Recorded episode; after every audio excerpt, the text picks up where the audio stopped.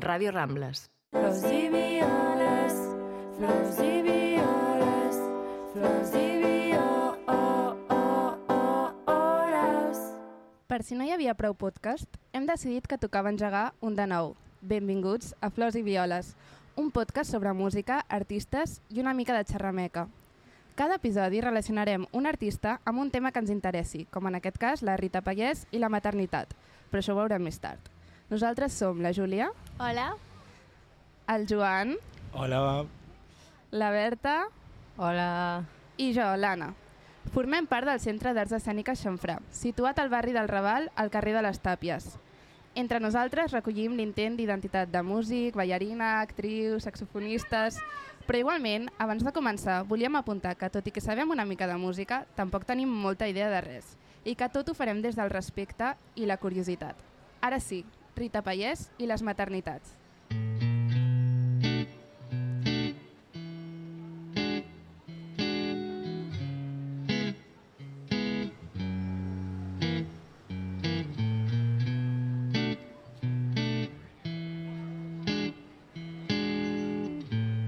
primer de tot comencem eh, coneixent una mica qui és Rita Pallès, no? Bueno, va néixer a Vilassar de Mar el 1999 i ja es comença a formar musicalment des de ben petita a l'Escola eh, de Música Moderna de Badalona eh, amb, amb el trombó, que és el seu instrument. Eh, després estudiarà a l'Escola Oriol Martorell, on es fa una bona educació musical i surten molts músics d'allà. I eh, així ja més a nivell universitari i carrera, eh, la farà a l'ESMUC, l'Escola de... Ai, l'Escola de Músics de Música... Sí. Bueno, Sí, no sé quines són les segles, la veritat. Sí, no sé L'Escola exactament Superior de Música de Catalunya. Sí, és l'única pública, diria, Ha, amb el conservatori del a Liceu. reflexionar. Bueno, després estudia... Eh, bueno, no, perdó. La seva carrera eh, professional eh, comença ja a la seva adolescència, posem-li, crec que eren 15 anys, quan entra a la Sant Andreu Jazz Band, eh, dirigida pel Joan Chamorro, i amb ell grava dos cançons que la fan guanyar un premi en The Rock. Després grava l'àlbum, el primer àlbum amb sa mare, Imagina, que és un regal que li fa a sa mare i amb el qual aniran de gira per Europa, pel nord d'Àfrica, bueno, una, una mica una bogeria Una barbaritat. És bastant maco, escolteu-lo. Bueno, tots són molt macos. El segon àlbum que grava, també amb sa mare, Com la piel, eh, també la porta a gira europea i eh, la fa guanyar diversos premis, com són el Premi Alixia al talent emergent. Eh, és, la tono, és la trombonista de Zetangana, que també va ser un, un fort impulsor a la seva fama i a que la coneguem totes. I final, bueno, finalment, no, més destacadament, últimament ha gravat, eh, ha col·laborat amb moltes gràcies a La gent que estimo, que és una cançó que, Preciosa. que jo crec que a tothom ens encanta. Sí, Sí. sí, sí, és preciosa. Això vindria a ser Rita Payas.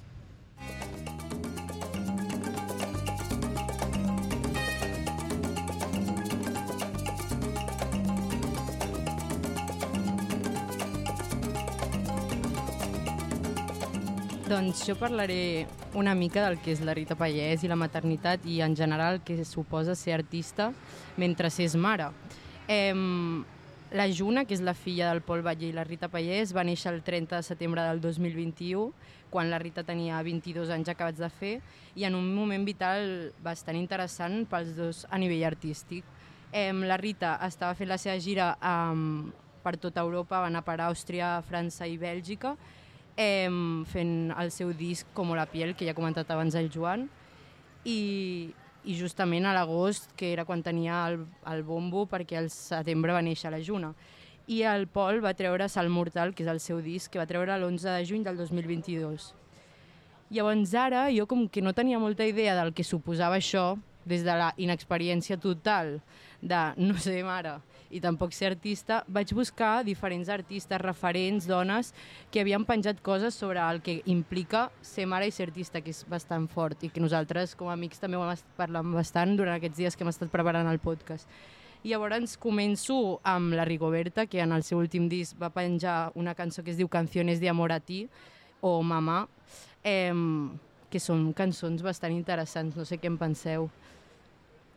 Sí, bueno, o sigui, jo crec que és com molt maco, no? El fet de que al final, bueno, jo tampoc no en tinc ni idea, però pel que m'ha estat dient i tal, no sé si avui estic com amb la primavera romàntica i tal, però com que avui estic com, potser romantitzant-ho molt, potser massa, no ho sé, però veig com algo superxulo, no? Que al final se de ser un punt d'inflexió superfort en la teva vida i llavors pues, és normal que això et provoca molts canvis i moltes coses i com fer cançons, refer... o sigui, com traslladar això a l'art em sembla preciós. Sí, totalment. De fet, la, la Rigoberta deia, doncs, jo abans de tot això pensava que la gent era una mica exagerada, però és com tot viure amb mil tac- tentacles, per lo bo i per lo dolent. Hi ha vegades que és com un uf, dolors, pors, etc. És bèstia, realment només li puc escriure cançons d'amor a ell. És molt heavy, estic preocupada. Eh, ja no existe nada más. I després la Sílvia Pérez Cruz va treure un disc que es diu Farsa, que a l'Anna li encanta, la Sílvia Pérez Cruz, i de fet m'ho vas dir tu. Sí, i de fet aprofito per dir que avui ha tret un nou disc Sí, cert. xulíssim, que l'heu d'escoltar totes. Molt xulo, molt xulo. Sí. I, i que va sobre la maternitat i hi ha una cançó que es diu Futuras Madres del Mundo. Per últim, hi ha un text de la Belén, Belén Bale, Baleny, Barenys, sí. perdó, eh, que és la corista de la Rigoberta i la seva cosina, entre moltes altres coses. També ara ha tret una, una sèrie y, y llavors penjava això a l'Instagram. ¿Qué tal el embarazo? Pues de momento bastante regular, chica. Y no quiero matizar y estoy cansada de decir que muy bien. Aquí toman, tomándome unos oicos pensando que, por ejemplo, en los conciertos que pensaba que podría hacer y al final no haré porque, nos, porque se me han acabado las fuerzas. La vida, que es una movida. Estoy cansada, confusa y perdida. Profunda crisis de identidad y la bebé que tengo dentro es un ser de luz que amo mucho, de verdad. Cuando se mueve yo la flipo y me siento muy afortunada. Bueno, això és un petit tros, però el podeu acabar de veure al seu Instagram. I re, la Rita, jo vaig anar a un concert seu quan acabava aquesta gira que ha fet ara, el 3 de desembre crec que va ser, i va cantar una cançó que anava, o sigui, que és dedicada a la Juna, a la seva filla, i em va semblar una preciositat, però aquesta cançó no està penjada, no està publicada, però bueno, aquí també ho llanço. I, i res, jo després de, de fer aquest incís de eh, parlar d'elles, eh, vaig com tenir bastants debats de lo complicat que deu ser i, i a nivell de compaginació amb la teva parella, eh, la sort sort o no sort, no sé, encara no he tret una conclusió d'aquest debat, de que, de que la seva parella també sigui artista, no? perquè al final estan compartint eh, la mateixa banda, estan en els mateixos projectes i per tant això vol dir que tenen els mateixos horaris, però clar, això vol dir que quan un no hi és l'altre tampoc. Llavors eh, crec que aquí necessiten molt el suport de la família, no? que suposo que tant la mare com la, de la Rita com suposo que la família del Pol Batlle doncs, deu estar aquí bastant a tope. Eh, avui justament, ara quan venia, he estat llegint una entrevista eh, que li van fer al suplement de Catalunya Ràdio, on parlaven justament de la maternitat i, i, i l'entrevistador li preguntava eh, creus que tu t'ha frenat la teva carrera el fet de tenir la Juna? I ella deia que amb el Pol mai ho van pensar així abans de tenir-la, però després tampoc ho ha sentit com algo que l'hagi frenat, és algo que a ella li venia molt de gust, al Pol també, i que tant el projecte de ser artista eh, i anar a fer bolos com també eh, el fet de tenir una filla eren dues coses que els hi venia molt de gust, llavors simplement s'han hagut d'adaptar a la situació que, que tenen ara i ja està. I, I aquesta és la meva secció. No sé si voleu comentar alguna cosa. Sí, jo sobre això crec que, o sigui, òbviament no l'ha frenat, no? I que jo crec que és més aviat que té com la sort o el privilegi de poder dir això tant perquè la seva mare l'acompanya a les gires com perquè la seva parella també hi és, no? Jo em vaig mirar una altra entrevista que va fer l'Andrea Motis, que també Mm, estava a la Sant Andreu sí. Jazz Band, on ella explicava la seva experiència sent mare, no? I que ella havia decidit amb la seva parella que farien com co-parenting, que em surt en anglès, però bueno, que és bueno, el que hauria de fer tothom, Sí, no? Que, bàsicament. Sí, els dos pues, cuidant de la criatura. Però que es va donar quan ja va tenir el seu fill, que això era com bastant impossible perquè el bebè té molta necessitat de la persona gestant i que la necessitava molt a ella i llavors al final com explicava que el que havien hagut de fer era que la seva parella també vingués a tots els bolos i tot perquè els escenaris i els teatres doncs, no estan adaptats a les mares artistes. Sí, I llavors era totalment. com, me l'haig de portar però no, no hi ha un servei de guarderia aquí a l'escenari perquè algú Clar. es quedi amb ell. Clar. I és com que han hagut de reformular tota la seva vida i tot el que feien i ell ha hagut de, eh, bueno, com això, com haver d'anar a tots els bolos que feia l'Andrea Motis per acompanyar-la. Sí, de fet la, la Rita ho comentava, que ha, ha estat assajant amb la, amb la Juna a sobre seu fins a, al dia d'avui, que ara ja al ser més gran doncs ja, ja no ho pot fer. Però sí, sí, deu ser un, una moguda i, i deu comportar pues, molt al final com això que dius, Mm. perdre una part de la teva vida per, per acabar portant els dos projectes a terme. Sí. I per últim volia dir una frase que ha dit la Rita en aquesta entrevista que diu la Juna ha anat a tots els concerts que he fet des de que hi és. Jo vull que estigui allà amb mi. Fins que hem pogut hem fet tots els assajos amb ella a sobre. Ara ja és impossible, teníem ganes de fer-ho i també de tocar. És molt intens però tot el que fem ens agrada molt. Mm. Ja està, és una Sí. mica el resum Mm. del que he anat Sí. dient i el que heu anat comentant. A mi m'ha agradat molt el que ha dit l'Anna, no? com no hi ha un servei de guarderia, que crec que realment com una cosa a reflexionar-hi no? i per pensar de dir realment no? la conciliació laboral familiar és difícil en aquest sector, però en moltíssims sectors perquè vivim molt per la feina i per treballar, la necessitat de treballar i de generar uns ingressos. Llavors, com tenint això en la ment, seria superinteressant no? que a, a tots els llocs de feina es mirés per aquesta conciliació i oferir serveis de guarderies a Mm. tot arreu. Sí.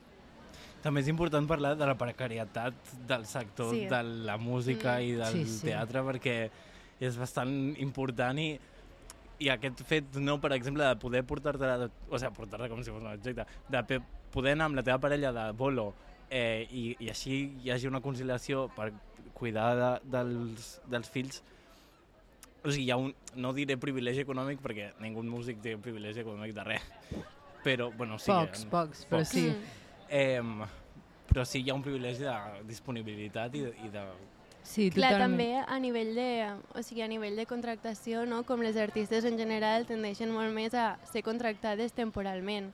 Mm. I aquí plantejar-te la maternitat és més xungo, no entenc, Clar. perquè també, o sigui, és com la inestabilitat que caracteritza la feina, pues te la emportes tu al, al, quan, al moment que ets mare també, o sigui, és com una feina superinestable en el, tots els sentits i llavors, clar, amb la inestabilitat pues et pot generar com moltes pressions o moltes com dificultats, no? Per dir, vale, jo sé que vull això i vull aquests dos projectes, però no, m'imagino que no deu ser molt fàcil sempre.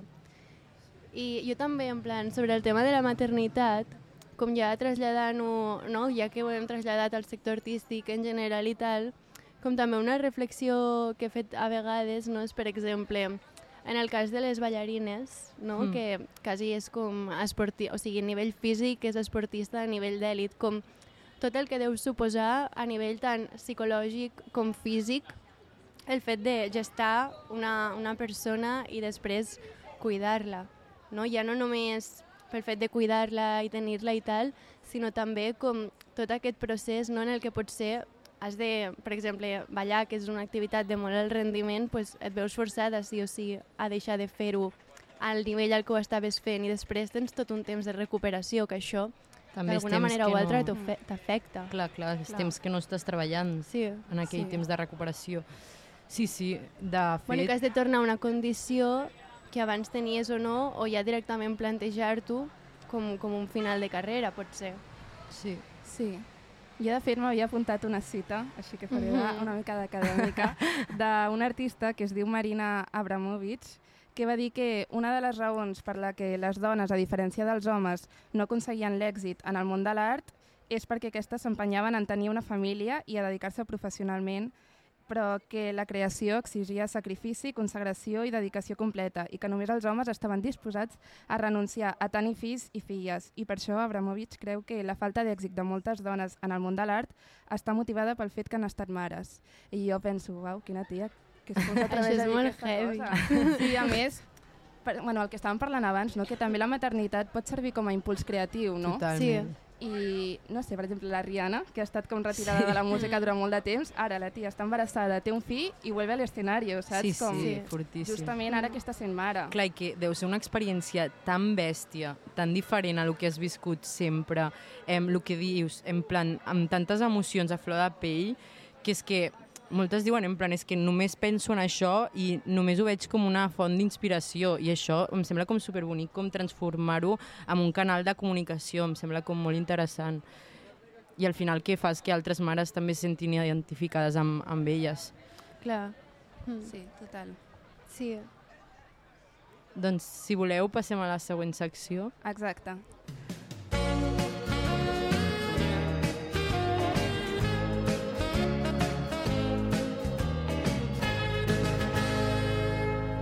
també relacionat a això, a tot això de la maternitat, també ho podem portar a reflexionar una mica sobre el fet de treballar en família, que és una cosa que passa en diferents àmbits i pues, en l'artístic, com hem vist, també. I té el seu sentit, no? ja que som una mica allò del que estem envoltades i allò que ens envolta ens permet crear pues, sinergies no? i fonts d'inspiració per a desenvolupar projectes. I com dèiem no, abans, que crec que ha comentat el Joan, la Rita Pallés va fer el seu primer disc amb la seva mare i bona part de la seva família es dedica a la, a la música. Llavors, jo com aquí una pregunta que sense cap malesa que volia plantejar és com cre creieu que els fills d'artistes o les filles d'artistes ho tenen més fàcil o tenen alguna facilitat en un sector que és com tan difícil entrar-hi?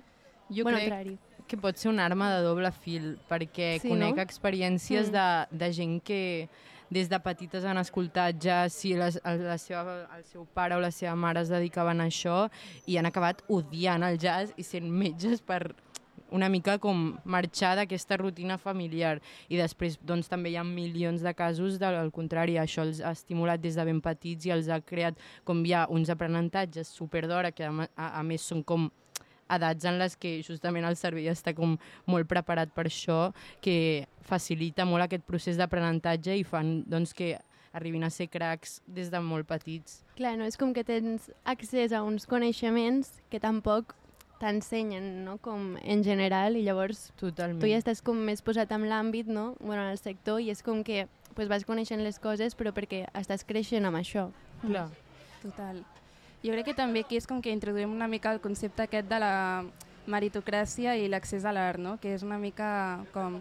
Si treballes molt ho aconseguiràs, vale, però si tens una família que s'ha dedicat a això és molt més fàcil dir, vale, quiero ser cantante. Sí. Perquè és com L'acceptació que... també. Exacte, Sí, hi ha tota una total. part d'acceptació de dir, vale, pues sí, pues ho pots fer perquè jo ho he fet i perquè Mm. tengo los contactes. Ningú et jutjarà, també? clar, clar. Sí. I a més tens facilitats, sí, sí, Sí. totalment. Clar, no, també pel paper que socialment com de vegades es veu l'art, no? Com, ui, no, això no, això és molt difícil, ui, cap aquí no vagis. Clar, total. I els contactes són... O sigui, ara jo només tinc informació del món del teatre, perquè és on vinc, però suposo que es pot extrapolar la música. Els contactes són molt importants per entrar en aquests ambients.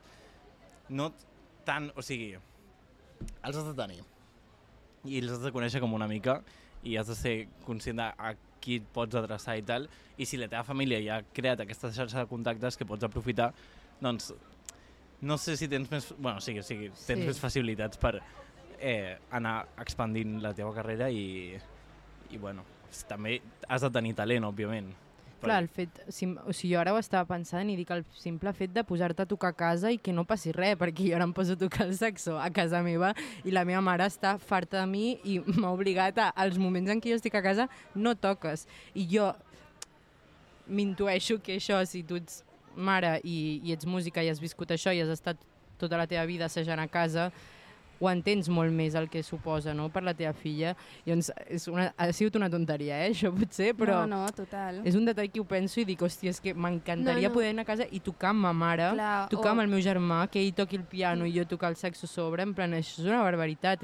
Estàs tenint classes a casa em, de forma molt més lliure, molt més flexible, amb, amb confiança.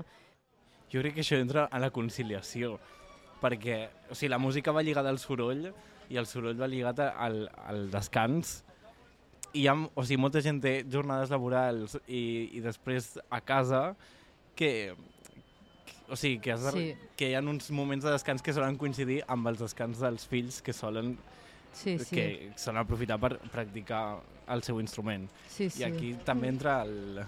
Sí, jo no sé per què ara m'ha vingut al cap com quan has dit això.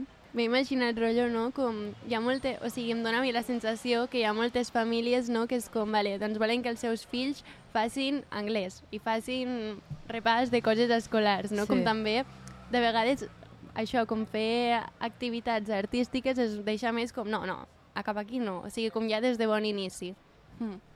Clar, i tornant a la Rita, o sigui, el Sí. simple fet que el seu primer disc fos un regal cap a la seva mare, jo li És dic a la meva maquíssim. mare, vinga, et, re ja, és Et maquíssim, regalo- però et regalo una sessió d'estudi i es queda com, què m'estàs dient, Clar. saps? Sí, sí, totalment. No, no, jo, Clar. però jo crec que sí que... O sigui, com realment també hi ha tota la part bonica, no?, de poder treballar amb els teus familiars, no? Perquè al final és com amb qui tens un vincle superimportant, no? Igual que nosaltres d'alguna manera és com, buah, pues volem fer algo artístic juntes, no? Mm. Perquè som amigues. Pues és com, imagina't tu com amb algú amb qui has crescut, en Sí. plan, amb algú que has estat sempre i comparteixes aquella passió.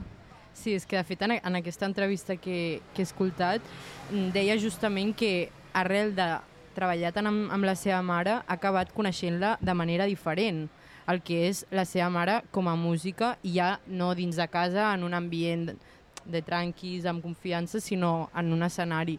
I, I deia que cada dia sorprèn, tot i que porti dos anys o no sé quants anys porta ja eh, fent les gires amb, amb, amb la seva mare, que l'ha conegut de manera molt diferent i això també és algo molt especial i que deu fer que la relació creixi també d'alguna manera molt especial. Total.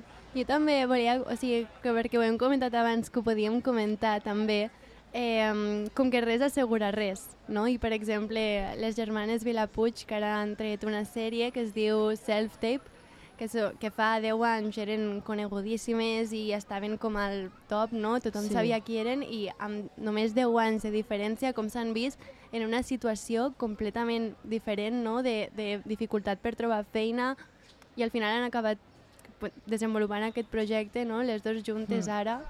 I, i competint entre elles, Sí, vull dir. Sí, sí, o sigui, a la és el sèrie que parlaven dir. molt de, lo de Mm. l'arma de doble filo, perquè Sí. és com... La Mireia es va fer famosa primer perquè va sortir a Herois i llavors buscaven una actriu per pulseres vermelles, però la Mireia era massa jove, llavors li van dir a la Joana, la seva germana, si volia fer el paper. Clar, Llavors això és com que- Clar, això et deixa sempre Clar. ja en plan, vale, és que Sí. era per ella, però com jo era més gran m'han agafat a mi, no? Exacte. Com, com ha d'afectar això, a més, que no sé quan, quants anys tenia pulseres vermelles, però no era una persona adulta i que Sí. tot i així afectaria igualment, no? Però vull dir que això et marca molt. i que tota l'estona les estan comparant, tota l'estona, Sí. com podrien fer els mateixos papers en les mateixes... Tot, són com el mateix Sí. perfil i això les força a competir entre elles. Sí, sí, justament, o sigui, anava a dir això, que deien que no només a Pulseres, o sigui, a Pulseres Vermelles van coincidir, sinó que han fet molts càstings juntes o que les trucaven dels mateixos jocs perquè és que al tenir el mateix prototip físic, a l'assemblar-se, pues, busquen el mateix paper en elles, saps? Llavors han acabat fent self-tapes, que per això es diu així la sèrie, per, perquè es feia un el self-tape de la- de l'altre i l'altre l'ajudava a ella mentre es competien en aquests processos de selecció. És bastant fort això i, i, i que després tu surts de, de la feina o del que sigui i segueix sent la teva germana, saps? No, no és qualsevol persona que et pots trobar a la indústria i que potser has tingut aquesta competència però acabes solucionant-ho d'una manera, sinó que és la teva germana, tens un vincle molt, molt fort en ella. Sí, jo crec que com a mínim és molt bonic que almenys això, com aquest projecte d'ara l'ha- l'hagin pogut fer, no? Com agafar des de la mà, Sí, no? és preciós. Suposo és que potser ha sigut també per elles un procés com bastant de sana- sanació. de sanació, sí, total. De fet, o sigui, ahora voy a barrer un poco pa mi huerto. Clar que sí. Eh, Sempre, sempre que, que vulguis. que és jo l'únic que sé. Eh, bueno, he tingut la sort d'estar en un procés artístic ara de, de la Cia Càndida, que ara està al Teatre de Tarantana amb mi madre en Bragues, i vull destacar com el, un moment de, de l'obra on hi ha un text i, i l'Anna Tamayo, que és l'actriu, li diu a sa mare, que actua amb ella a l'obra, eh, me da vergüenza haber tenido que montar todo esto con público y todo para tener que, o sea, para poder decirte lo mucho que te admiro y, y lo mucho que, sí, y el, bueno, Sí. molt que l'estima. Sí, sí, sí. I, m'ha fet pensar, o sigui, bueno, clar, m'ha fet pensar que estic allà dins, en, en com, o sigui, com necessitem de vegades mm, canviar completament el, el, o sigui, sa mare no és actriu, que El paradigma, no?, de, Sí, necessitem... de la relació, per, Per- poder arribar a dir coses que mai... Totalment. Sí, sí. I realment treballar en família pot tenir, o sigui, i de fet té totes les seves complicacions, perquè a la mateixa obra expliquen com eh, han treballat tots a, a, una, a un bar que tenen de la família i allà, o sigui, ha sigut una convivència més aviat tirant a, Conflictiva. a conflictiva i ara el teatre, en canvi, han hagut els seus conflictes, el procés artístic ha tingut el seu... Bueno, la seva cosa complicada, però es pu o sigui, hem pogut arribar a, a dir També tot un això. procés de sanació, no? Una mica. Total, és un procés de, de sanació total. La, bueno, aneu-la a veure. Bueno, si us dona temps. És xulíssima. Jo l'he vist i és Jo també. preciosa. La recomanem a tothom. Sí. moltíssim. I anar amb les mares, amb les Sí. amigues, amb les germanes, perquè jo vaig sortir d'allà com... Vull abraçar la meva mare molt fort. Clar. I- I, perdó, acaba, acaba. Bueno, i comentar també que la, hi ha una cantant en directe que ha estat, bueno, ha estat mare fa un any, perquè la seva filla d'un any, i, i és molt interessant parlar amb ella sobre com concep la maternitat. Jo li preguntava l'altre dia com, què tal et va la maternitat? Una pregunta estupidíssima. I em diu, bueno, la criança. Perquè, o sigui, em deia, m'explicava com hem de deixar de posar el focus en la maternitat com a la mare eh, cuida i cria a l'infant i començar a obrir la mirada cap a eh, hi han dues persones aquí què està passant? Vull dir, Ostres, potser hauríem d'haver canviat el Sí, títol i de... haver-li dit la del criança. nostre Això episodi, eh? Ja, sí. però perquè m'ho han, dit, m'ho han dit fa molt poc, que està el guió fet. Bueno, canviem ara la criança. Sí. La jo criança volia grita pallès. acabar una mica la secció dient que en veritat m'encantaria com que la Juna, la filla de la Rita, acabés sent com cantant i anar a un Bueno. concert seu, en veritat m'encantaria. Jo m'ho menjaria tot, tot Sí. el que faci. Però no posem expectatives en la cria, No, no, no. que No. creixi com vulgui. Exacte. Total. Sí, ara Sí. sí. sembla molt. Només faltaria posar més pressió. I ara, per acabar, nosaltres, després de cada programa, posarem una cover que hem fet nosaltres mateixes eh, sobre l'artista de la que estem parlant. Llavors, avui portem Nunca vas a comprender, de la Rita Pallés. Nunca vas a comprender que yo te quise. Nunca vas a comprender cómo lo hice. Tú me hablabas del amor, de eso tan bello. Te faltó por demostrar que eras capaz de vivir aquello, pero no te olvides, por favor. Que Doncs moltes gràcies per haver escoltat aquest primer programa. Esperem que ens escolteu al pròxim i que us hagi agradat molt. Merci. Moltes gràcies. Fins la pròxima. Gràcies a tots, adeu. Flors i violes, flors i violes, flors i violes.